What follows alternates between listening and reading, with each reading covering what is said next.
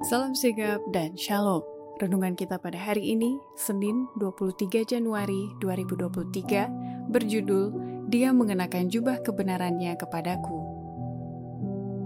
Ayat intinya terdapat di dalam Yesaya 61 ayat 10. Aku bersukaria di dalam Tuhan, Jiwaku bersorak-sorai di dalam Allahku, sebab ia mengenakan pakaian keselamatan kepadaku dan menyelubungi aku dengan jubah kebenaran, seperti pengantin laki-laki yang mengenakan perhiasan kepala dan seperti pengantin perempuan yang memakai perhiasannya.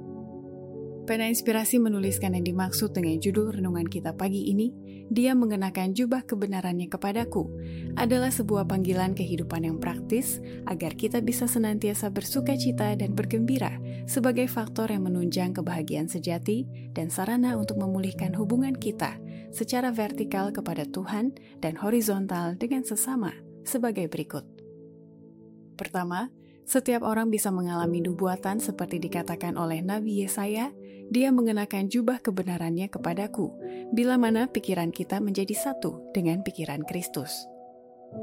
Bila mana kita menyerahkan diri kita kepada Kristus, maka hati kita dipersatukan dengan hatinya, kehendak kita menjadi kehendaknya, pikiran kita menjadi satu dengan pikirannya, pemikiran-pemikiran kita ditawan oleh pemikiran-pemikirannya, kita menghidupkan hidupnya, Inilah artinya dipakaikan jubah kebenaran Kristus.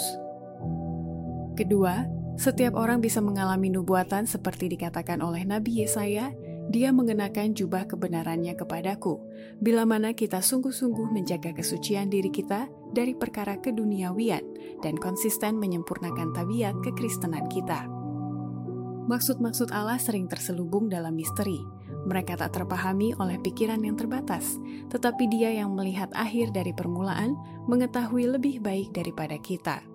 Apa yang kita perlukan ialah menyucikan kita dari keduniawian, menyempurnakan tabiat Kristen kita agar jubah kebenaran Kristus dipakaikan kepada kita.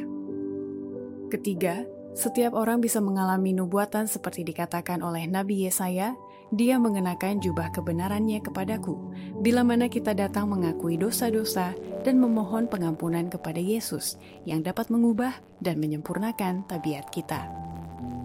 Walaupun ada cacat pada umat Allah, Kristus tidak meninggalkan objek pengawasannya. Ia mempunyai kuasa untuk mengubah pakaian mereka. Ia menyingkirkan pakaian yang kotor, ia mengenakan pada orang yang bertobat dan percaya jubah kebenarannya sendiri dan menuliskan pengampunan di depan nama-nama mereka dalam catatan surga. Ia mengakui mereka sebagai miliknya di hadapan semesta alam. Setan, lawan mereka, ditunjukkan menjadi pendakwa dan penipu. Allah akan berlaku adil terhadap umat pilihannya sendiri. Keempat, setiap orang bisa mengalami nubuatan seperti dikatakan oleh Nabi Yesaya dia mengenakan jubah kebenarannya kepadaku, bila mana kita tidak melalaikan kewajiban sebagai penata layan yang setia dan berpengharapan di dalam Kristus. Orang kaya telah melalaikan panggilan Allah dan tuntutan orang miskin yang menderita, tetapi kemudian datanglah panggilan dari Allah yang tak dapat dilalaikannya.